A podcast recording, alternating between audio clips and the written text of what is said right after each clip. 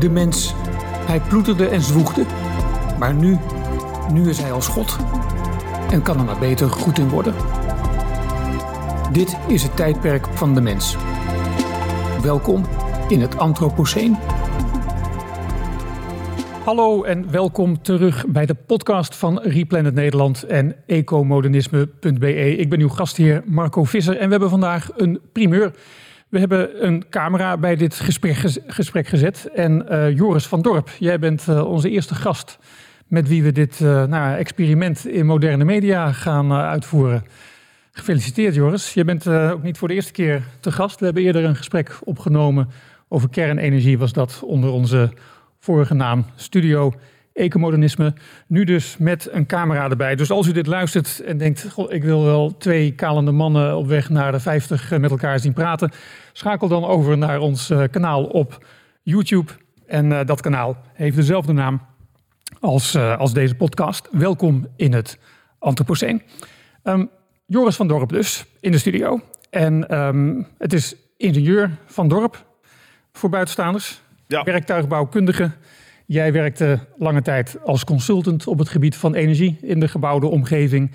En jij bent nu verbonden aan Replanet als onze energiedeskundige. Dus voor ons ben jij gewoon uh, Joris. Um, met jou gaan we het vandaag hebben, Joris, over de energiecrisis. De prijzen uh, die blijven maar stijgen. Uh, er doen we tekorten op. Um, het is de vraag of we in staat zijn om daarmee om te gaan. Zowel voor de korte termijn, hè, komen we de winter wel door, als voor de lange termijn. Hoe gaan we daar nu mee om in Nederland, in Europa? Zijn we op de juiste manier bezig om, dit, uh, om deze energiecrisis het hoofd te bieden? En wat zijn ideeën die je hebt om, uh, om daarmee om te gaan? Dus daar gaan we het over hebben. We gaan de energiecrisis oplossen, Joris. Ja, Ga nou, maar aan staan. Heel goed. Ja. Um, dit zijn, um, als we het over de energiecrisis hebben, dan hebben we het over ontwikkelingen die natuurlijk met name pregnant werden sinds uh, Poetin zijn uh, leger liet binnenvallen in Oekraïne. Maar eigenlijk was er daarvoor ook al sprake van behoorlijke prijsstijgingen.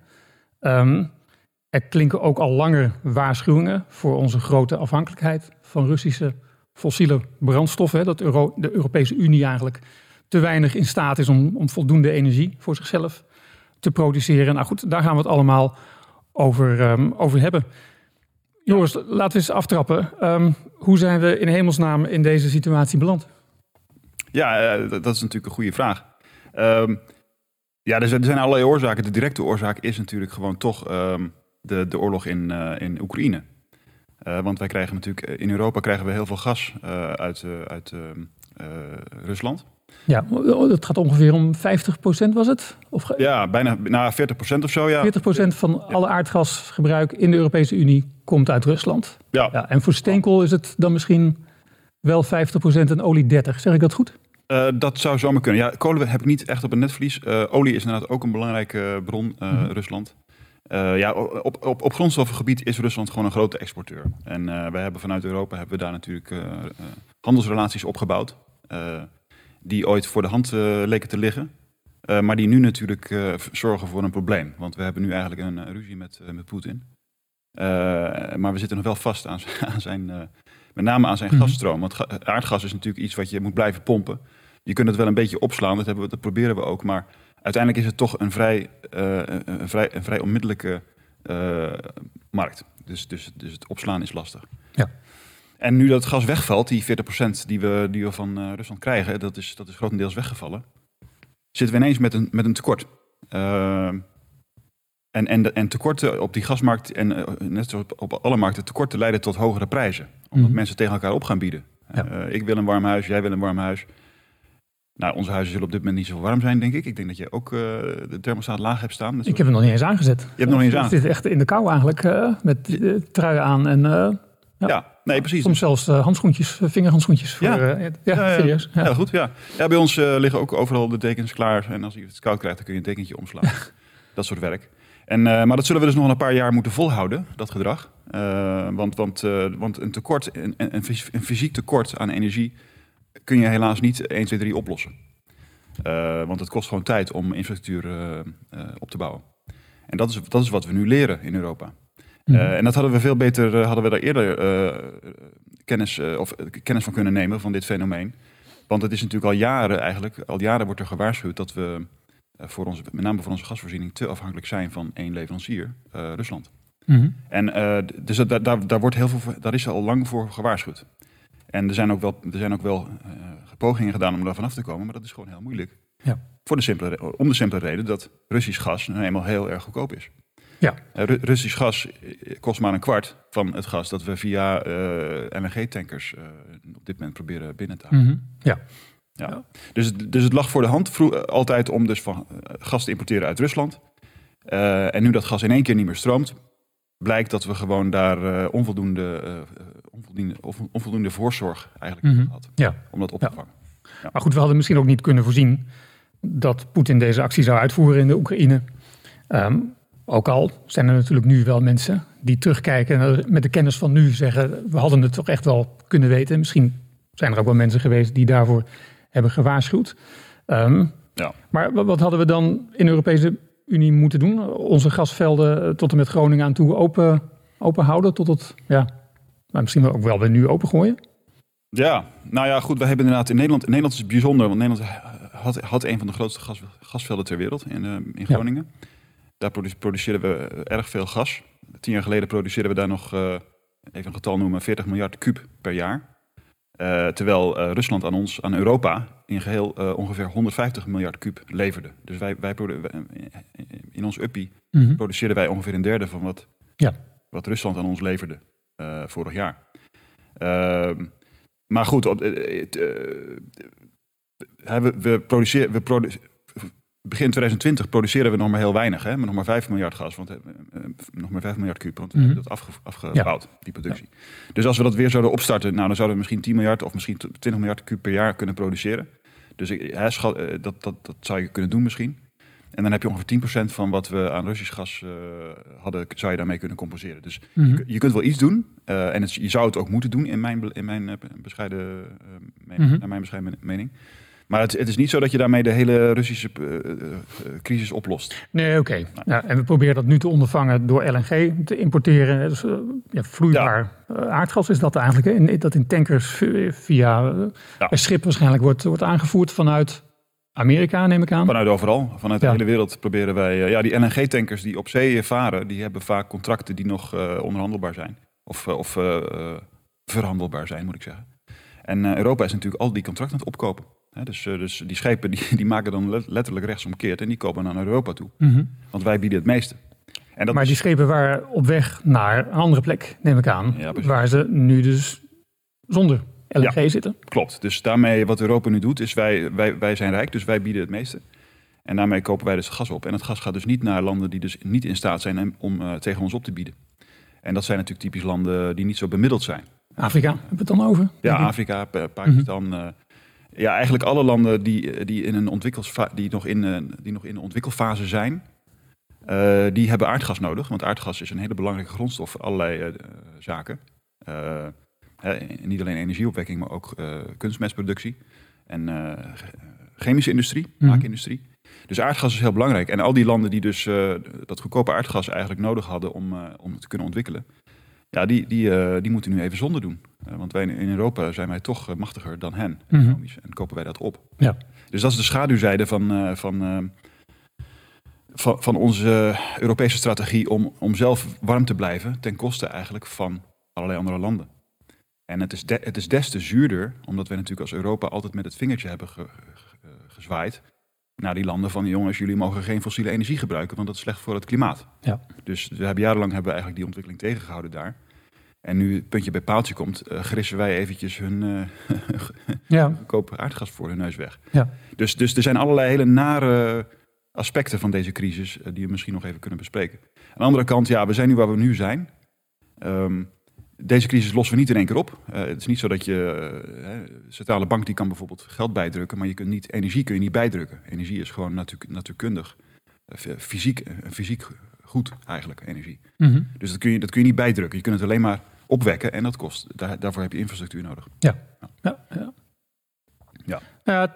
over het feit dat, dat Europa nu het LNG opkoopt en wegkaapt eigenlijk bij andere kapers op de kust, zou je kunnen zeggen. Uh, andere landen waar ze daar interesse in hebben. dat, dat botst echt met alle principes van solidariteit uiteindelijk, internationale solidariteit. Nee zeker. Ja, ja we hebben natuurlijk dat rapport geschreven, Switch of Putin.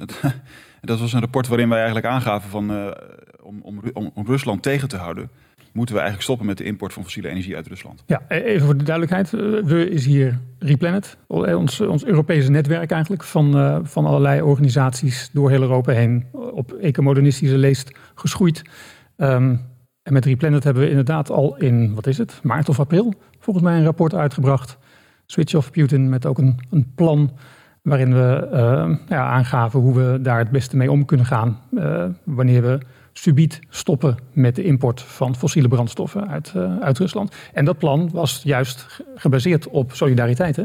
Ja, nee, we hebben heel nadrukkelijk in dat plan, uh, ja, even, even toch ter verklaring. Ja. Wij hebben gezegd destijds uh, van die, die, die, die oorlog in Oekraïne, dat, is een, dat, is, dat gaat niet zomaar over, waren we bang voor. We hoopten natuurlijk dat het snel voorbij zou zijn. Maar uh, dat, we, hebben toch gezegd van je moet die druk op Rusland maximaal opvoeren. En dat kan je eigenlijk alleen maar doen door dus die uh, miljarden euro's die hij verdient met de verkoop van fossiele energie, met name aan Europa, om dat door te snijden. Dus wij hebben gezegd, stop daar nou mee, gewoon zo snel mogelijk, onmiddellijk. Uh, maar dan, en dan krijg je de vraag, ja, hoe, hoe gaan we dan om met die tekorten? Want dan mm. krijg je natuurlijk tekorten. Ja. Nou, toen hebben wij met name gezegd, solidariteit is dan ontzettend belangrijk. In Europa, maar ook naar, de buiten, naar, naar de internationale markt. Mhm. Dus wij hebben gezegd, je moet dus maximaal besparen, energie, op alle mogelijke manieren. En je moet dus uh, zorgen dat je niet uh, zorgt voor extreme prijsstijgingen op de internationale markt. Want dan beschadig je natuurlijk ook ontwikkelingslanden. Mhm. Nou, dat laatste is eigenlijk nog steeds niet goed uit de verf gekomen. We zijn in Europa nog steeds niet in staat geweest om gewoon echt, echt heel serieus te besparen. Waardoor die prijzen nog steeds hoog zijn. En waardoor we dus nog steeds uh, eigenlijk zorgen voor een hele hoge prijsontwikkeling op de internationale markt. Ja, dus dat is... maar, zelfs, maar, ook energiebesparing, is het, daar komt het toch ook nauwelijks van? Ik, ik fietste gisteravond door Rotterdam. Dan zie ik het, uh, het, het, het, kantoor waar, van de gemeente. En daar branden ongeveer al, alle lichten nog. Nou, ik weet toch vrij zeker dat niet op al die verdiepingen nog uh, heel hard stapeltjes papier werden verplaatst. Van het ene bureau naar het andere bureau.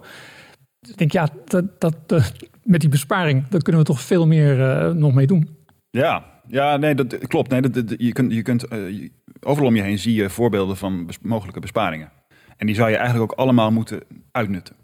Maar uh, ja, en dat, gebeurt dan niet en dat is dan jammer. Aan de andere kant, ehm, de grootste besparingen zijn vaak niet in, in, het, in, het, in kleine dingen zoals een beetje verlichting aan of uitdoen. Of, of, dat, zijn, dat, zijn, dat draagt allemaal wel bij, maar dat, dat zet uiteindelijk niet zo verschrikkelijk veel uh, zoden aan de dijk. Je moet, je, het belangrijkste is dat je inderdaad met, met ruimteverwarming, hè, die mm -hmm. staat, dat heeft veel meer effect. Ja.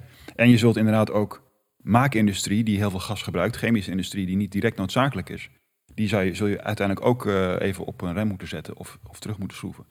Maar met, met die lichten hè, in, de, in gebouwen die, niet, um, die gewoon duidelijk niet in gebruik zijn, die s'avonds maar blijven branden misschien scheelt het niet zo heel veel energie, maar ik denk wel dat het een heel goed signaal afgeeft aan, uh, aan de mensen. Dat ze gewoon ook zuinig moeten zijn, toch? Ja, nee, dat zeker. Dus eigenlijk moet je dat, eigenlijk moet je dat doen. Uh, Volgens mij hebben we zelfs in, in, in dat rapport Switch of Putin ook um, gesproken over energie op rantsoen, toch? Wat natuurlijk in zekere zin misschien wel verbazingwekkend is voor ecomodernisten. Ja. Die, alsof wij zoveel, alsof wij van verspilling houden. Dat is natuurlijk helemaal niet het geval. Nee. Maar het idee van rantsoen is uh, iets waar we in principe natuurlijk helemaal niet voor zijn. Maar dit is wel een, een noodsituatie waar we mee al heel lang, al een half jaar nu mee te maken hebben. Ja, nee, klopt. En dat, dat, dat ransoneren is vooral van belang, uh, denk ik, uh, voor de solidariteit binnen Europa. Want er zijn gewoon landen die veel meer afhankelijk zijn van het Russische gas dan andere landen. Ja. Uh, dus, dus die landen die dan. Landen als Polen, denk ik nu aan, de, lijkt mij. Ja, Polen was, is volgens mij ook van met name kolen, dacht ik. Uh, maar, maar natuurlijk Duitsland is, een, is, een, uh, is erg afhankelijk van uh, dat gas. Ja.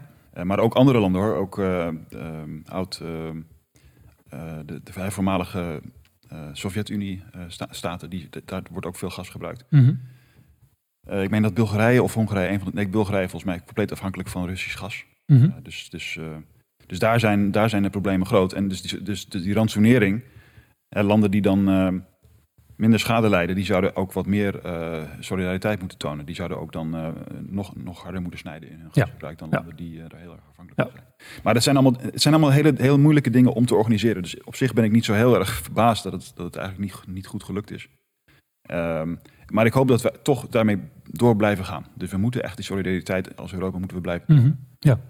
En als we kijken naar het Europese beleid nu, wat doet Europa op dit moment om de energiecrisis te bezweren? Op de, en dan denk ik zowel op de korte termijn, uh, hoe, hoe, komen we de winter door, als op de lange termijn. Wat, wat is daar nu uh, het, het, het, grote plan? Uh, ja, het, er is eigenlijk geen groot plan in die zin.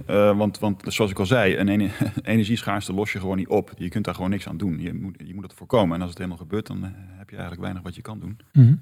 Behalve natuurlijk gewoon besparen en nou ja, rantsoeneren, dat, dat zou misschien ook nog een keer kunnen. Alhoewel dat natuurlijk moeilijk uit te voeren is, want je kunt niet, uh, je kunt niet de politie langs sturen om te controleren of mensen hun thermostaat wel op de mm -hmm. plek hebben staan. Ja. Dus dat, dat, in de praktijk is dat allemaal moeilijk uitvoerbaar. Maar wat Europa gewoon doet. Um... Maar goed, jongens, het is natuurlijk een eindafrekening op een gegeven moment. De energiemaatschappij weet ook hoeveel energie ik gebruik. Ja, ja. Ja, dit klopt. Dus je zou. Maar goed, voordat je het weet, gaat, gaat die energiemaatschappij dan zeggen: Oké, u bent door uw quotum heen, we zetten u uit, we zetten mm toevoer uit. En dat, dat kun je eigenlijk niet maken. Nee, snap je? Nee. Uh, dus in de, want in de winter, zeker in de winter, mensen moeten gewoon minimaal. Die, die gasdruk moet op peil blijven. Want anders dan krijg je nog grotere problemen. Dat mensen, dat huizen bevriezen, dat leidingen springen, noem maar op. Dus dat moet blijven doorgaan. Dat geldt ook voor fabrieken.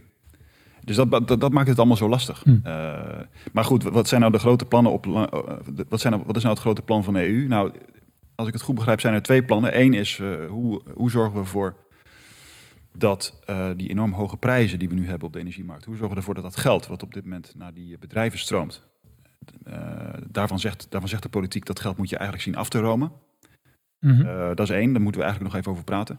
En het tweede, maar, want dat is een belangrijk -hmm. punt. Ja. Maar het, het, tweede, het tweede plan is op, is, speelt op de wat langere termijn. Namelijk, hoe kunnen we nou zo snel mogelijk zorgen dat we meer inheemse energievoorziening krijgen? Dat we, dat we als Europa gewoon meer eigen energiebronnen ontwikkelen. Mm -hmm. uh, ja. Dat is natuurlijk logisch. Maar daar gaat tijd overheen. Dus daar, daar is wel een plan voor. Dat heet Repower EU. Ja. Uh, een groot plan. Maar, en, maar alle, alle, ik denk dat ik denk dat alle lidstaten ook eigen plannen inmiddels al hebben om gewoon uh, te zorgen dat het allemaal wat sneller gaat. Richting, mm -hmm. uh, ja. Richting, ja. Maar ja, dat, afromen, hè, dat was volgens onze klimaatcommissaris Frans Timmermans heel makkelijk. Hè? Je gaat dus gewoon naar de energiebedrijven toe en je zoekt waar de wind zit. En dat haal je dan weg. Zo zei hij dat vrij letterlijk ja. in het Financieel Dagblad. Ja, ja dat is een opmerkelijke uitspraak. Ja, ja. ja nee, want dat was heel opmerkelijk. Ja, volgens want, want, en het is opmerkelijk omdat er geen juridische basis voor is, neem ik aan. Nee, nee, nou, dat, nee volgens mij niet. Nee. Want het, uh, je kunt niet zomaar, uh, uh, je kunt niet zomaar eigendom ontvreemden van, van, van mm -hmm. personen of van bedrijven. Zo werkt het natuurlijk niet. wat je wel kan doen is natuurlijk de belasting op energiebedrijven verhogen. maar dat kun je niet met terugwerkende kracht doen. Mm -hmm. daar, is geen, daar is volgens mij geen daar, daar, is, daar, is geen, daar is geen wetgeving voor mm -hmm. mogelijk te maken überhaupt. Ja. Dus het kan best zijn dat, uh, dat Timmermans heeft bedoeld van maak nou snel een wet waardoor je de winsten die dus volgend jaar gemaakt worden uh, gaat afromen. Misschien dat hij dat bedoelde. Dat zou je dan nog kunnen bedenken. Maar goed, ja, kijk, voor, de, voor zover de energiebedrijven die nu uh, buitensporige winsten maken, zullen die sowieso, een deel van die winsten gaat natuurlijk dan ook terugkomen in de vorm van de vennootschapsbelasting en gewoon de winstbelasting. Mm -hmm. Die geldt overal in Europa op bedrijven. Dus een deel van het geld komt sowieso weer terug. Ja. Maar er zijn ook bedrijven die helemaal geen winst maken. Er zijn, zijn bedrijven die natuurlijk gewoon net aan de verkeerde kant zitten van de markt. De Uniper bijvoorbeeld, een groot, bedrijf in, groot energiebedrijf in Duitsland. Dat is gewoon failliet gegaan. Waarom? Omdat zij gewoon uh, verkeerd zitten in de markt. Dus ze hebben een heleboel elektriciteit hadden ze vooruit verkocht. Terwijl ze de, de, de, gas, de aardgas die ze daarvoor nodig hebben om die elektriciteit te produceren, die hadden ze niet allemaal al van tevoren ingekocht. Nou ja, en daar betaalden ze nu de hoofdprijs voor, terwijl ze ja. nog met de oude prijzen hebben gerekend. Ja. ja. precies. Dus je kunt niet zomaar zeggen dat alle energiebedrijven enorme winsten maken. Dus je moet ook per bedrijf zul dan inderdaad moeten kijken van hoe, hoe zit dat precies. Ja, maar het maar, voelt natuurlijk wel wrang hè. Dat, dat de prijzen voor consumenten, voor iedereen stijgen die. En ze stijgen behoorlijk. Ja. Um, en dan zijn er energiebedrijven waar grote winsten nu worden gemaakt. Met name wanneer het gaat om energieopwekking, waarvoor de kosten ook gewoon vrij laag zijn. Hè. Dus bij windmolens en zonnepanelen is dat natuurlijk zo. Ja. Uh, daar zijn nauwelijks uh, onkosten, kun je zeggen. Ehm, maar die prijs is gekoppeld aan de prijs van aardgas, als ik het goed zeg.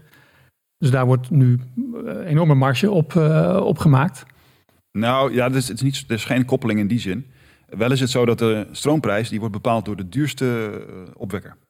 Uh, dat, is, dat is het systeem, uh, dat is het, ja. elektriciteitsmarktsysteem wat we in Europa toepassen en wereldwijd ook. En dat is nu aardgas, maar dat had ook steenkool kunnen zijn op een ander moment. Ja, ja okay. nee, precies. Dus nu is het aardgas.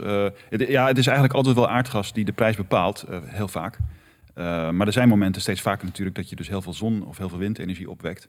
En mm -hmm. dat, dat, er dus geen aardgas, dat er geen aardgas gebruikt wordt mm -hmm. voor de elektriciteitsmarkt. En dan valt de prijs, dan gaat de prijs omlaag naar, naar de, de volgende. Ja, ja. Uh, Helder.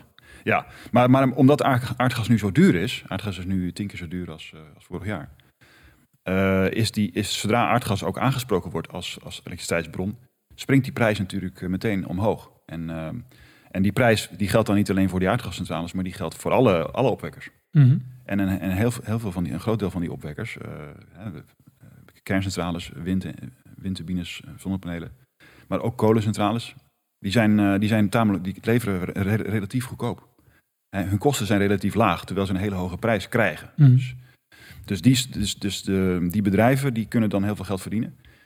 Of de handelaren, want er zijn natuurlijk ook handelaren die in het verleden al die elektriciteit die nu geleverd wordt, hebben gekocht. En die handelaren die lopen nu ook binnen. Dus het is niet zo. De, voor, uh, er worden natuurlijk winsten gemaakt op goedkope stroom uh, afkomstig van wind en zon, mm -hmm. maar het is, en kernenergie. Maar het is, niet, het is niet zo dat die winsten ook naar, die kern, naar de eigenaren van die kerncentrales ja, ja. Want ze hebben waarschijnlijk hun productie voor een groot deel al verkocht mm -hmm. in het verleden. Ja. Dus dat, dat, is ook nog een aspect. En, en is het dan toch een beetje symboolpolitiek als je Frans Timmermans hoort praten over het eenvoudigweg afromen van winsten van energiebedrijven? Um, daar zit toch ook iets in, van een soort, ja, noem het spierballentaal, denk ik. Uh, wij gaan de gewone man redden. Want we gaan het bij de, bij de machtigen der aarde gaan we het, uh, gaan we het weghalen. En als er op een hoed gaan we het verdelen. Ja, ja dat, dat is ja, natuurlijk iets heel aantrekkelijks in dat, in dat idee. Toch? En, en dat is, is voor een politicus natuurlijk heerlijk om het zo te kunnen brengen. Ja. Maar ja, waarschijnlijk ontdekken we over een half jaar, lezen we ergens in de krant, niet meer op de voorpagina, maar ergens achterin, ja, dat dat toch allemaal niet zo makkelijk was. En, uh, want ja, de energiebedrijven werken tegen of het is allemaal de politiek gaat niet snel genoeg om dit aan te passen. Maar ja, dan heeft Timmermans wel laten zien dat hij wel hard op de goede plek heeft. Ja, misschien ben, ik, ben ik te cynisch hoor. Nou, toen ik dat eerst voor, het, voor het eerst hoorde, dat bericht over wat men van plan was met het energieprijsplafonds, toen, toen schrok ik. Ik schrok echt, want ik dacht van nou, als je, als je, als je met, met energieprijsplafonds, dan heb, je, dan heb je het gewoon niet begrepen. Want die energiemarkt, je kunt niet zomaar die energiemarkt in één keer gaan veranderen. Dat, dat kan wel, als je dat doet als politicus, kan dat wel. Maar dan stappen die bedrijven en, en, handelaren en iedereen die daar belang bij heeft, die stappen naar de rechter. En die winnen dat gewoon. Want je kunt, nogmaals, je kunt niet zomaar bezit ontvreemden. En het, hè, het mm -hmm. geld wat die bedrijven verdienen en die handelaren op dit moment, dat is gewoon hun bezit. Je kunt dat niet zomaar afpakken. Dus je krijgt dan, uh, je krijgt, wat er dan gebeurt als je dat toch doordrukt, zo'n plan, dan, dan krijg je gewoon jarenlange juridische strijd. Dat kost klauwen met geld. En, en, uiteindelijk verlies je die strijd gewoon als overheid. Mm -hmm. Dus dan komen er ook nog gigantische schadekosten en bedragen. En dat is één. Ten tweede, als je die markt inderdaad zo in één keer zo ingrijpt, dan, dan verliest iedereen, alle investeerders verliezen ook hun vertrouwen in die markt. Dus mm -hmm. de, de, investeerders die nu van plan zijn juist om te investeren, uh, die schrikken dan ook. Want die denken ook van, oh wacht even, als ik nu ga investeren en ik verdien straks geld, dan misschien wordt dat geld afgepakt. Hè, misschien kan ik dan niet rekenen op, uh, op, op, ja. hè, op, op mijn basisrecht van eigendom. Misschien, is dat recht, misschien bestaat het recht niet meer. Dus, dus ik schrok me echt rot. Ik dacht echt van, oké, we zitten nu met een energiecrisis. Het is nu van belang dat we, onze, dat we goed leren wat er misgegaan is en hoe we dat kunnen verbeteren. En in plaats daarvan zag ik inderdaad leiders als, uh, als, als Timmermans en, uh, en ook eh, heel veel andere leiders, van, over, over het hele politieke spectrum trouwens, die begonnen ineens te kraaien dat, dat de energiebedrijven de oorzaak zouden zijn van deze crisis. En mm -hmm. dat we daar dus, dat die eigenlijk de schuld hebben en dat we die eigenlijk als een soort vijand moeten behandelen. Hm. Uh, dus het is echt... Is dat ook, is het dan toch ook een manier, ik vind het politieke spel wel interessant hoor, en nogmaals, misschien ben ik daar wat cynisch over. Maar is het dan niet ook een beetje een soort de aandacht afleiden van het eigen politiek falen door met de vinger te wijzen naar energiebedrijven? Absoluut. Ja, absoluut. Ja, echt waar. Dat, dat is gewoon wat er gebeurd is. Uh, men heeft, ik denk dat ik, Ja, je moet natuurlijk inderdaad toch altijd uh, zeker voor het onzeker nemen. Ik, ik ga ervan uit dat die politici toch te, te goede trouw zijn. Dat ze niet doelbewust uh, dit soort dingen doen. Maar aan de andere kant, uh, het, is voor, voor, de, voor de Europeanen, voor, voor ons allemaal, is het ontzettend belangrijk dat onze, dat onze leiders echt de lessen trekken van deze crisis die ze moeten trekken. En die les is pertinent niet dat de energiemarkt niet goed zou zijn of dat de bedrijven oneerlijke winsten maken. Dat is absoluut niet wat er nu aan de hand is. Wat er aan de hand is, is dat Europa gewoon onvoldoende eigen regelbare uh, energieopwek heeft ja. en excijsopwek. Dat is de hoofdoorzaak van het probleem. Mm -hmm. Dat probleem moet dus zo snel mogelijk worden opgelost.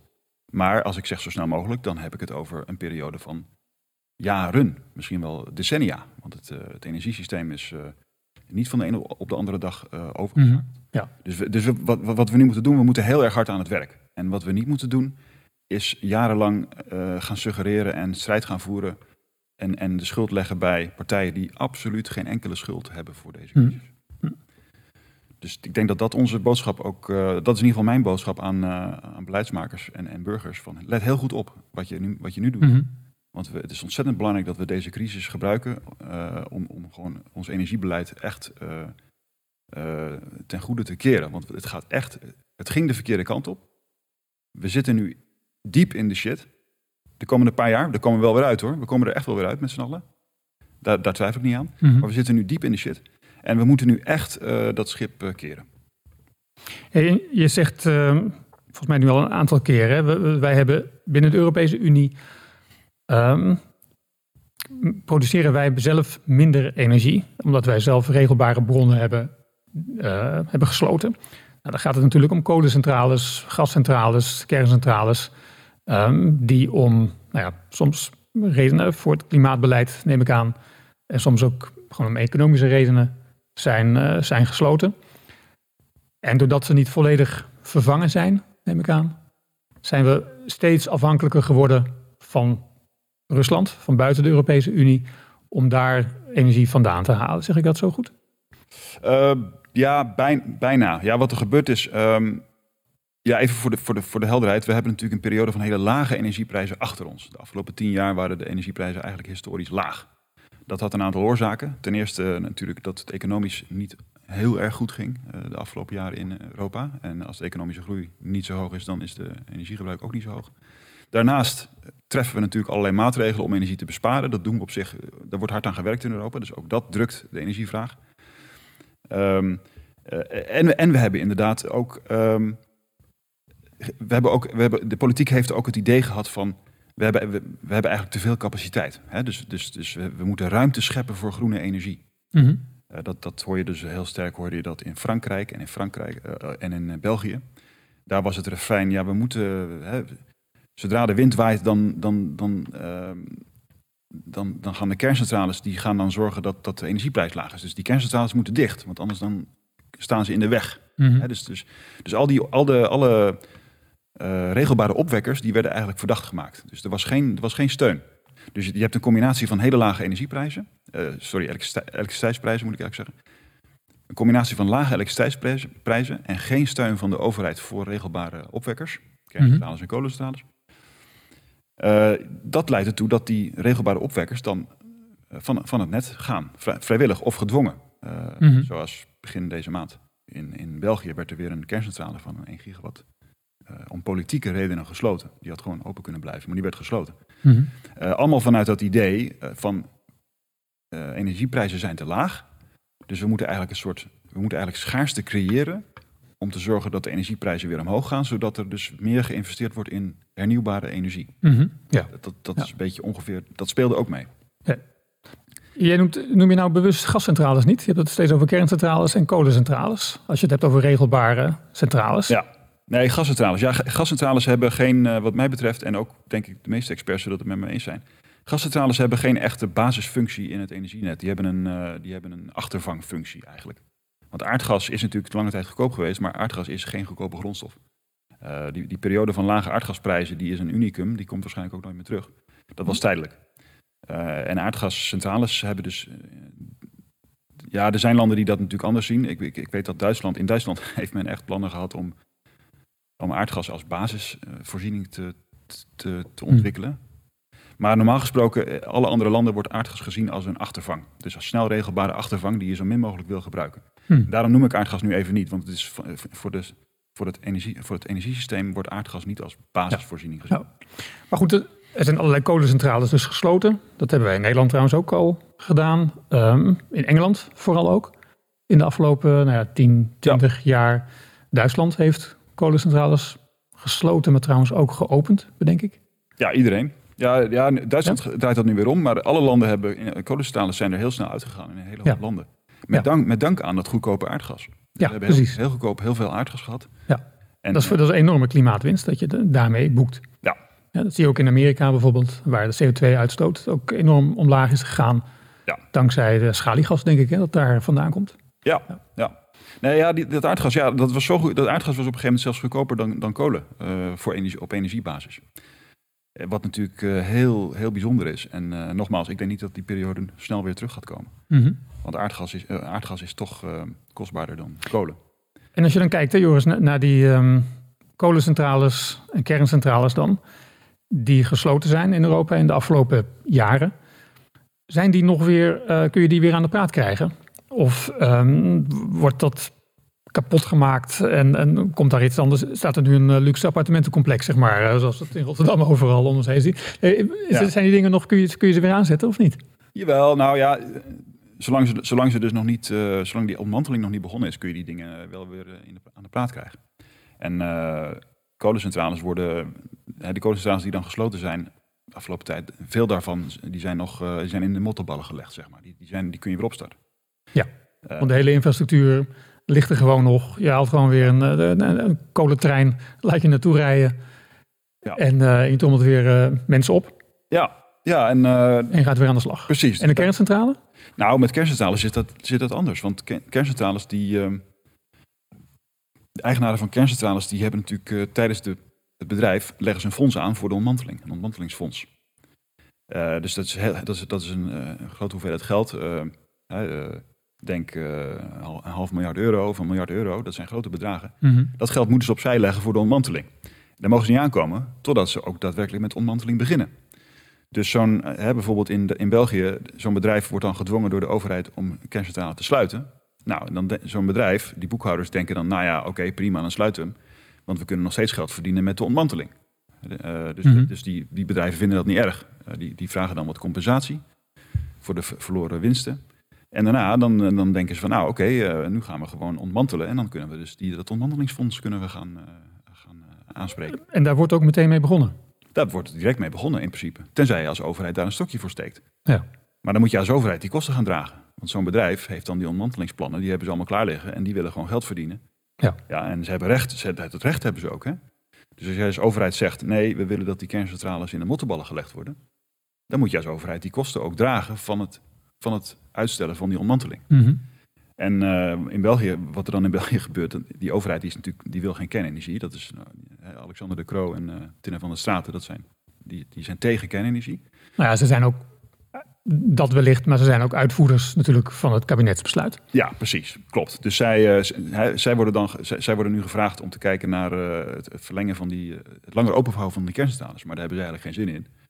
Dus, dus dit is een van die dingen, van die ontmantelingskosten. Ga, ga je dat dan, hè, die kosten van het uitstellen van de ontmanteling, dat moet je dan regelen als overheid. Mhm. Maar als je als overheid daar eigenlijk geen zin in hebt, dan kun je net doen alsof die bedrijven dwars liggen of die willen. Hè, dan, wat ze dan zeggen is, ja, het bedrijf wil, wil ontmantelen. Het is een keuze van het bedrijf, daar kunnen we Mhm. niks aan doen. Ja, hè, dus op die manier kun je het natuurlijk altijd heel moeilijk maken.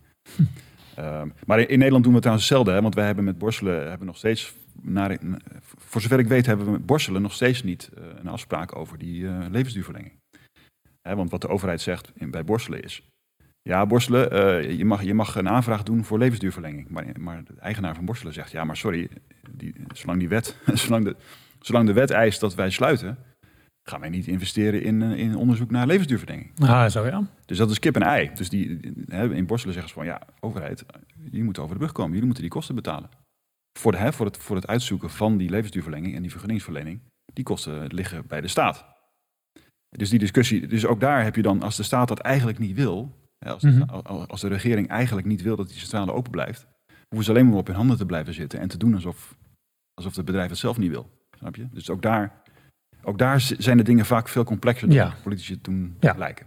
En weer veel vingerwijzen, als ik dat zo hoor. Ja, vingerwijzen eh, en, en, en- en, de handen, handen in de lucht gooien van, oh ja, eh, er is iets gebeurd wat we niet voorzien hebben.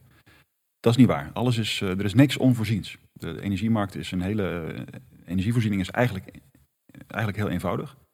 Je kunt heel lang vooruit plannen daarin. Je kunt fouten maken in de zin dat je misschien te veel capaciteit hebt, waardoor de prijzen laag worden. Maar eh, je kunt altijd zorgen dat energievoorziening in orde is. Dat is geen eh, raketwetenschap. Dat is, Mhm. geen, eh, geen, dat is niet, niet moeilijk. Dus op het moment dat politici zeggen dat iets heel moeilijk is, of, of dat er iets onverwachts gebeurt, dan moet je als burger meteen opletten. Want dan gebeurt er iets heel geks, wat eigenlijk ontoelaatbaar is. Hè, dus je moet, je moet dan eigenlijk toch meteen vragen van ja, zit u, bent u wel geschikt? Bent u wel in staat om ons energiesysteem Mhm. te sturen? Want als u, als u denkt dat er in het energiesysteem onverwachte dingen gebeuren, dan heeft u het niet begrepen. Want het, mag nooit iets onverwachts gebeuren. Mhm. Ja, er mogen wel onverwachte dingen gebeuren, maar die mogen na- nooit nadelige effecten kunnen hebben voor de maatschappij. Zo zou ik het willen zeggen. Hey, en ehm, in Duitsland zijn met name kerncentrales gesloten in de afgelopen jaren. Ehm, die zijn ook niet meer aan de praat te krijgen. Misschien nog wel één of twee die eh, recentelijk zijn gesloten. Ja, ja, dat is, Daar is nog discussie over volgens mij. Hè? ja, ja, dat is ook daar, ook in Duitsland is een enorm gevecht vindt plaats, getouwgetrek. Maar volgens mijn jongste, volgens mijn laatste informatie zijn die centrales die ze vorig jaar gesloten hebben, drie centrales, die zijn nog steeds in, die kun je nog steeds opstarten. Die Ja. zijn nog niet, daar is nog niet de, Ja. slijptol in. En, en scheelt dat echt of is dat maar een druppel op de gloeiende plaat en moeten we oplossingen heel ergens anders zoeken? Nee, het, het, het scheelt wel. Kijk, alle beetjes helpen. Maar het is natuurlijk een druppel op de groeiende plaat. eh, in die zin. Want we, wij, wij gebruiken in Europa natuurlijk heel veel energie. En eh, nogmaals, ja, die Russen met die 40% Ja. aardgas, dat, dat is heel veel. Ik, ik moet even- Maar je kunt zeggen, ze, staan er niet voor, ze stonden er niet voor niks. ze stonden er niet voor niks. Nee, dus je moet, dat, je moet alles, alle beetjes helpen. Ja. Eh, en in Nederland hadden we ook, het begin van het jaar, toen was de vraag van, ja, moeten we die kolencentrales misschien weer aanzetten? En ook toen schrok ik een beetje, want toen ontstond er een discussie. Dat was heel, dat was heel gek. Dus, dus hè, de- Nederland had de optie om die kolencentrales aan te zetten. eh, Mhm. Toen die oorlog was uitgebroken in Oekraïne.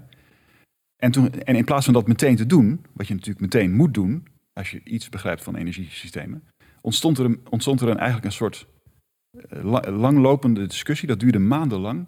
Ontstond er een discussie over, over het wel en wee van het openzetten, van het aanzetten Mhm. van, die, van, die, van die kolencentrales. Ja. En dat, dat is ook schokkend. Echt, als En- dan schrik je je rot als je dat zoiets gebeurt. En, en wat pleit er dan tegen? Nou, dat het natuurlijk slecht is voor, de, voor het klimaat. Ja. ja. Maar goed, eh, oorlog is natuurlijk... eh, er, gaat er gaat niks boven oorlog. Ja. En je kunt wel zeggen tegen Poetin, sorry, maar hè, we, we kunnen Ja, ja. niet aan. Je begrijpt wat ik bedoel. Ja. Oorlog gaat overal boven. Dus die oorlog moet eerst voorbij zijn. En dan kunnen we weer eh, snel aan de slag met klimaatbeleid. Want dat is belangrijk, klimaatbeleid. Mhm. Maar, maar oorlog is natuurlijk eh, toch nog net iets Ja, belangrijker. ja. Dus, da- dus daar, daarom, daar, daarom schrok ik. Want het is, het is duidelijk dat je alle alternatieven die je hebt voor aardgas, moet je natuurlijk onmiddellijk eh, benutten. Ja. Ja. Maar goed, eh, het is natuurlijk ook schokkend in, in Be- België dat ze daar begin deze maand ook die grote kerncentrale hebben uitgezet. Ja. Dat is, dat is een, dat, ze, hebben, ze hebben daar even voor de duidelijkheid, ze hebben daar dus de centrale bij Doel hebben ze uitgezet. Dat is een, dat is een eh, 1 gigawatt centrale. Zo'n centrale levert genoeg elektriciteit voor 3 miljoen huishoudens. Dus op het moment dat je die uitzet, dan moet je je voorstellen dat is het equivalent van dat je ineens 3 miljoen huishoudens afsluit van de stroomvoorziening. Dat is wat ze, wat ze Mhm. gedaan hebben, om politieke redenen. Gewoon groene politiek. En eh, dus die 3 miljoen huishoudens, ja, waar komt die stroom dan vandaan? Ja, dan moeten er dus andere opwekkers, hè, kolen en gas, die moeten dat opvangen. Want wind en zon is niet regelbaar, dus die kunnen niet in één keer meer gaan produceren. Mhm. Dus dat, dat, hè, dat, dat, dat, dat, eh, dat, dat slopen van die kerncentrales, dat is nog wel het aller, aller, allerergste wat je kan doen. Ja, zeker als ze werken. Nou was het daar misschien nog wel zo dat ze ook wel toe waren aan een, ehm, aan een update, zeg maar, in de, in de veiligheidsvoorzieningen. Want ik neem aan, wanneer een kerncentrale gepland staat om te sluiten, dan doe je natuurlijk wat nodig is om het, om het veilig te, te houden. Maar ik kan me ook voorstellen dat je een grote beurt uitstelt. En dat, eh, dat, dat er nu sprake van zou moeten zijn om het, eh, om, om het grondig te herzien voordat je hem echt weer, eh, weer aan kan zetten voor een nieuwe brandstofwissel. Ja, nou, er zijn zeker allerlei papier, eh, er, is, er is zeker allerlei papierwerk en tests en eh, inspecties die je moet doen. Ja. Doorlopend, hè? De kerncentrales worden doorlopend geïnspecteerd, eh, meerdere keren Ja. per dag. Eh, de, de, de, intensiteit van de, van de monitoring van die installaties is, nauwelijks voorspel, mhm. voorstelbaar. Maar, en inderdaad, als, als je dan hebt afgesproken met elkaar dat die centrale dicht gaat, dan moet je natuurlijk op tijd besluiten om dat niet te doen. Want je hebt tijd nodig om dus al die, mm al die controlemechanismen weer opnieuw in te stellen. Maar op zich, die centrales op zich zijn in topconditie. Dus fysiek, fysiek eh, zijn ze niet van het ene op de andere dag ineens. Nee, als, je, als je wil, is het te doen en ben je, weet ik, misschien een half jaar verder of wat, wat dan ook, om het weer aan de praat te krijgen? Ja, dat vind ik moeilijk, dat weet ik niet. Uh, dat hangt een beetje vanaf wat ze daar allemaal wel en niet uh, klaar hebben liggen of al gedaan hebben. Nee. Maar dat zou in principe heel snel moeten kunnen. Het is letterlijk, het is niet zo dat je in één keer allerlei dingen per se hoeft te vervangen of zo. Want mm de kerncentrale, hè, kernenergie is een heel schoon proces. Dus die kerncentrales, die, daar verandert eigenlijk niks. Mhm. Die zijn eigenlijk elke dag hetzelfde. Het is één, uh, het is één uh, schone, uh, glimmende, glanzende, stille toestand. Mhm. ja. dus dat, dat verandert niet. Uh, dus die centrales die zijn gewoon goed. Uh, en, maar, maar, inderdaad, als je, die, als, je, als je wil dat die centrales langer, langer blijven draaien, dat is ook in, Rus, of ook in uh, Duitsland, dan zul je daar wel het nodige inspecties en papierwerk moeten invullen. Ja. Maar dat moet je dan, dat moet je dan meteen doen natuurlijk. natuurlijk, ja. ja.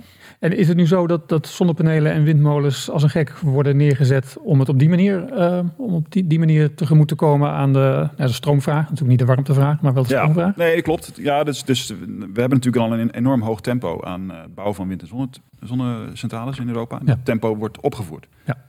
Dus uh, dat is dat Repower EU-plan. Er wordt gewoon nog weer 300, 300 miljard euro uh, verspreid over, de Euro over Europa wordt vrijgemaakt door de EU.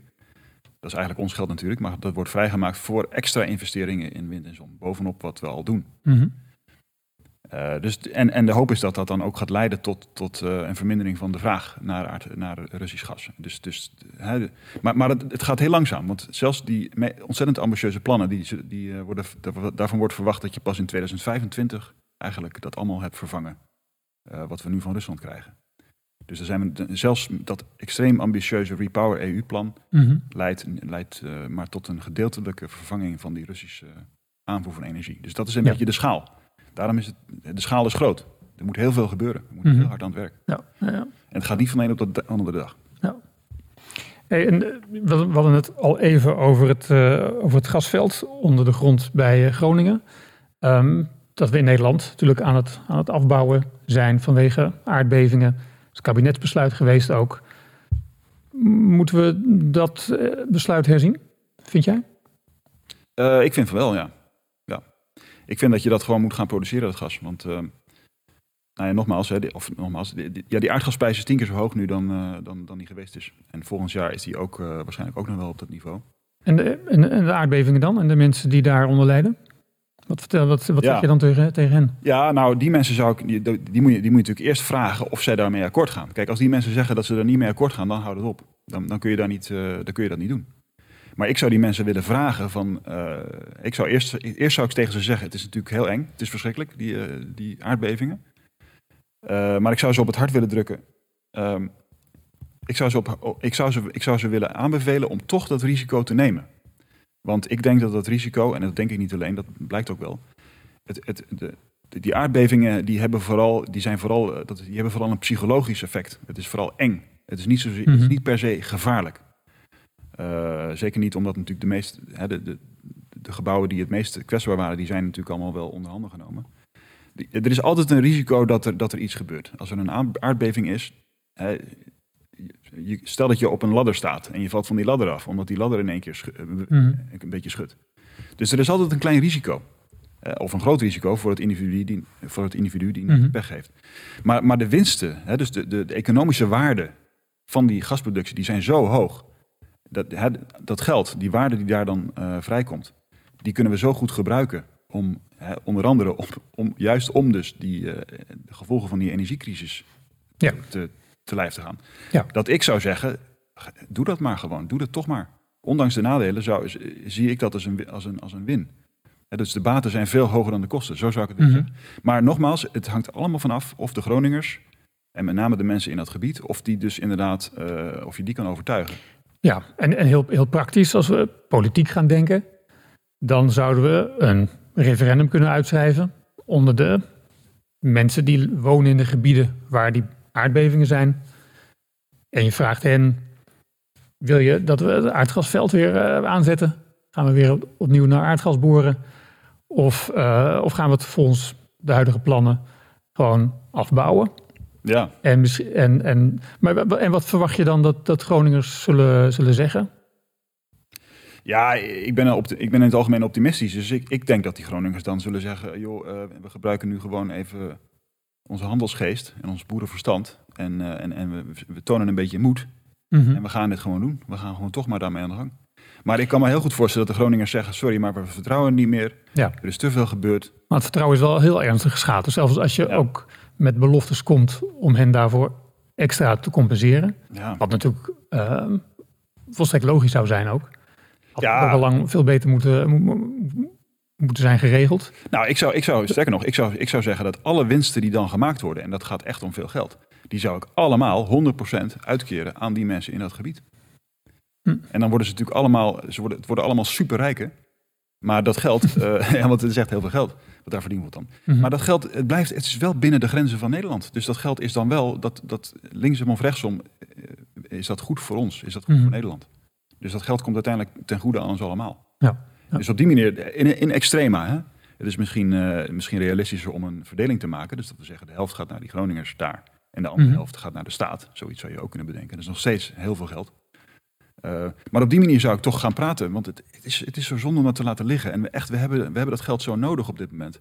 Omdat die industrie, ook de industrie, lijdt natuurlijk verschrikkelijk onder die hoge prijzen. Uh, onze tuinbouwindustrie, de glastuinbouw, de, de, de, de maakindustrie, chemische industrie. We hebben de, de zijn hele grote klappen worden nu opgevangen vanwege die grote prij, hoge prijzen. Mm -hmm. En we lopen echt risico in, in Nederland en in Europa. Lopen we risico dat we gewoon onze industriële, industriële capaciteit, dat die gewoon uh, het loodje legt. Dus alles wat we kunnen doen om, om, het, om, om die energieprijzen te verlagen, of om meer eigen energie op te wekken, die moeten we gewoon aangrijpen nu. Mm -hmm. Dat ja. is echt even belangrijk nu. Ja. Dus vandaar mijn redenering, vandaar mijn, uh, mijn, mijn, mijn, advies om toch ook echt uh, dat, dat Groninger gas maar gewoon weer te gaan uh, winnen. Ja, maar goed, als we al zo lang debatteren over wel of niet open gooien van een kolencentrale, zie je het politiek gebeuren? Dat, de, de, ja, dat we nou weer ja. in Groningen gaan boren naar aardgas, meer en meer? Ik, ik, ik, ik, ik sluit dat niet uit, nee. Ik denk dat dat kan. Ik ben optimistisch. Mm -hmm. ja, ik, ik heb een, het, het, het is een hele simpele regel als je, als je de waarheid kan uitleggen op zo'n manier dat het wordt begrepen, dan wordt je geloofd. Dus, dus de vraag is als je, als je mij vraagt van gaat het politiek gebeuren, dan is mijn antwoord ja, het kan als het goed wordt uitgelegd. Dus als er iemand opstaat in Den Haag die dit gewoon uitlegt, en ook in Groningen, die het uitlegt op zo'n manier dat de mensen het snappen. Dat mensen gaan zien van oké, okay, nu, nu zie ik wat mijn eigen voordeel is.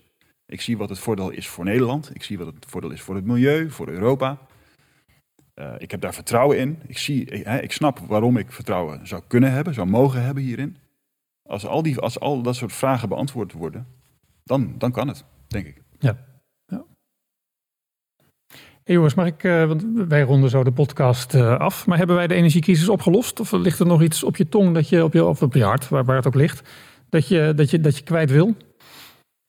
Ja, nou, wat ik wel, ja, die energiemarkt, er is, er is natuurlijk kritiek op de energiemarkt, dus, dus ik weet niet hoeveel tijd we nog hebben, maar uh, wat ik... Nou, vertel gerust. Nou ja, die, die energiemarkt, ik ben het wel eens met een deel van de kritiek op het functioneren van die markt. Want uh, wat we, het, probleem met die energiemarkt, zeker de elektriciteitsmarkt, is dat die heel inelastisch is. En een, een inelastische markt betekent dat uh, alles lijkt goed te gaan tot je in één keer een tekort hebt. En dan in één keer schiet je in een crisis. Dus zodra er ook maar eventjes een tekort ontstaat, mm -hmm. fysiek tekort, ontstaat een crisis en dan ben je eigenlijk te laat met het voorkomen van dat tekort. Dat is een wezenlijk uh, fundamenteel, fundamentele eigenschap van die elektriciteitsmarkt. En daarom zeg ik, daarom ben ik het eens met de mensen die zeggen dat je daar als overheid meer sturing en, en meer grip op moet hebben. Of in ieder geval dat jij als overheid de taak hebt om namens de mensen te voorkomen dat er dus crisis ontstaat. Mm -hmm. En dat, gaat niet, dat kun je niet aan de markt overlaten. Daar, daar ben ik zelf niet van overtuigd. Uh, grotendeels kan dat wel, maar, maar voor dit soort dingen, zoals nu de crisis in, in Rusland, dat zijn, dat zijn zulke rare. Uh, dat zijn zulke rare uh, effecten die op de markt kunnen inwerken, dat de markt mm -hmm. zelf, hè, de, gewoon, gewoon de, de simpele uh, investeerders bij, bij, bij bankiers en zo, bankiers zijn hele simpele mensen. Die kijken welke risico's snap ik, die risico's calculeer ik in. Maar er is geen bankier die zegt van, oh, wat, wat, als, wat als Rusland binnenvalt? Nee, want dat, dat, dat, ja, wat, wat moet je daarmee met zo'n met zoiets. Snap je? Mhm. Dus dat zijn, dat zijn risico's waar je, waar je als overheid toch ook bij moet zijn. En is het dan zo, ehm Joris, wij zijn denk ik allebei geboren in een tijd dat energie een nutsvoorziening was. Hè? Heel ouderwets woord is het Ja. nu. Had nutsbedrijven, dus die waren van de overheid. Ja. Die, die leveren energie. Ik denk dat het zo in de jaren negentig was dat er sprake was van een liberalisering. Hè? Want wij werden allemaal onderdeel van één groot eh, Europa en alles moest eh, geliberaliseerd worden. Dus je had een vrije markt, maar niet helemaal vrij, want die werd behoorlijk gereguleerd nog altijd. Ehm, Terecht. Is-. Ja. ja, maar is de, was die stap naar een gereguleerde vrijmarkt een, een verstandige? Of kunnen we ooit weer terug naar nutsvoorzieningen? Zou dat dan beter zijn? Wat vind je? Ja, hele goede vraag. Geweldige vraag. En daar, daar, daar, eh, daar, kun je, daar wordt jarenlang studie eh, is er al naar gedaan. Ik ben persoonlijk van mening dat wij het heel goed doen. Ik denk dat die energiemarkt zoals we die in Europa opgetuigd hebben, dat, die gewoon, dat is gewoon precies wat je moet doen. Waar het misgaat, nogmaals, is dat, eh, dat, is dat de, de, de overheid en ook de, de experts, naar mijn bescheiden mening, eh, heb- lange tijd hebben gedaan alsof die markt gewoon met, met, aan, zijn eigen, aan zijn eigen lot kan worden overgelaten. Alsof die markt daadwerkelijk gewoon al, alle risico's kan eh, integreren, Mhm. internaliseren. En dat, dat is niet zo. Dus een, een energiemarkt, het is onmogelijk om een perfecte energiemarkt te krijgen eh, vanwege die inelasticiteit. eh, ine- inelasticiteit. Dus je, je kunt, dat gaat gewoon niet. Zeker die elektriciteitsmarkt, dat is een unieke Mhm. soort markt. Waarbij hè, elke milliseconde moet dat moet, moet eh, aanbod en, en vraag moeten precies in balans zijn. Dat, dat, voert, dat voert te ver om dat hier allemaal uit te leggen, denk ik. Maar het, het punt is, zo'n markt, zo'n markt heeft altijd een, een, eh, een restrisico. Een soort, een soort grijs, een soort Mhm. witte vlek. Een blinde vlek heeft die markt, waardoor die dus nooit alles helemaal kan afdekken. En, en dat, is niet, dat kunnen we niet accepteren. Hè, eh, de maatschappij heeft gewoon altijd 100% eh, betrouwbare, betaalbare energie nodig. En zodra dat, zodra dat niet 100% is, en dat kan niet, want de markt kan, kan, gewoon niet, kan dat gewoon niet aan om dat helemaal weg te werken, Mhm. heb je als overheid de taak om dat op te vangen. En dat, dat doet de overheid ook, dat heeft de overheid ook deels gedaan, maar niet goed genoeg. Erger nog, de waarschuwingen aan die, aan die overheid van let op, met name die afhankelijkheid van Rusland, daar is gewoon onvoldoende mee gedaan. En omdat we nu in een crisis zitten, worden er allerlei misschien wel paniekerige eh, oplossingen voorgesteld. Die we misschien ook eerder hadden moeten bedenken. En dat we bijvoorbeeld als we het over een prijsplafond hebben, daar ben jij niet voor, weet ik, en dat heb je uitgelegd. Ja. Maar het is waarschijnlijk ook beter om te spreken over een prijsplafond voordat het opeens eh, heel erg nuttig zou, eh, zou zijn, toch? Ja, ja, ja. nee, zo'n prijsplafond. Kijk, je kunt alles bedenken wat je wil. Als je dat maar doet op een voorspelbare manier. Dus je moet, eh, zeker in die elektriciteitsmarkt, energiemarkt sowieso, dat is een heel traag ontwikkelende Mhm. eh, infrastructuur. Dus als jij nieuwe wetten maakt over hoe je die markt inricht, dan moet je dat tijdig aankondigen en dan moet je, de- dan moet je dat infaseren, heel langzaam. En als je dat niet doet, ja, dan stappen mensen naar de rechter. Want dan ben je gewoon in feite aan het onteigenen. Eh, en dan, en dan, dat, dat gaat gewoon niet. Dat kan niet. Dus je, je moet daar goed over nadenken en ver van tevoren moet je daar beslissingen op nemen. Ehm, ja, en dat gaat dus niet goed in Europa. Want we, ze- een van de fouten die we natuurlijk ook maken, nog steeds, eh, wij proberen daar natuurlijk verandering in te brengen. Maar er, er wordt nog steeds alleen op wind- en zonne-energie ingezet. Op Europees niveau, Mhm. dat, dat, dat, dat noodplan, Repower EU, om, de, om, om, om van Russisch gas af te komen. Al dat geld gaat naar wind en zon. En eh, naar, naar, naar, naar groene energie. Ja. Er gaat niets gaat naar kernenergie. Dus, dus ook op dat punt maken we nog steeds grote fouten. Want kernenergie is natuurlijk bij uitstek een eh, uitstekende bron van inheemse, eigen, eigen, in eigen beheer heb je dat, Mhm. je eigen energie. En ieder land kan kerncentrales bouwen. Ieder land kan. Eh, eh, als, als jij als land gewoon volledig onafhankelijk wil worden van het buitenland, Mhm. dan heb je altijd de keus om gewoon kerncentrales te bouwen. Mm, Ja, zei je dat je wel uranium moet, eh, ergens vandaan moet halen. En je laat het natuurlijk verrijken. ehm, bij Urenco waarschijnlijk. Nee, maar goed, je kunt als land makkelijk eh 100 jaar lang 100 jaar voorraad uranium inslaan. Dat, eh, dat kost niks. Dat uranium Mhm. is heel goedkoop. Dus je kunt, met uranium ben je altijd eh, impliciet altijd onafhankelijk van, van het buitenland.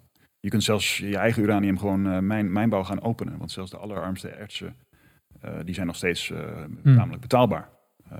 Dus ook dat voert natuurlijk wat ver. Maar het punt is dat een, een kerncentrale is, telt gewoon echt als een inheemse energiebron. Net als een wind, windturbine en een zon, zonnepaneel. Mhm. daar, is, daar is gewoon... strategisch vanuit de, dus de, de, de, de, de, boek, de boekhouding, hoe moet ik het nou zeggen? Um, door, de, door de verschillende toezichthouders op, op de energiemarkten wordt, uh, wordt natuurlijk telkens gekeken wat de, wat de, in, wat de inheemse, uh, uh, wat de zelfvoorzienend, zelfvoorzienendheid is van landen. Mm ja. En daar, daarbij telt wind- en zonne-energie telt natuurlijk als een inheemse energiebron. Maar kerncentrales tellen ook officieel als inheemse ja, energiebron. Ja. ja. Nou ja, goed.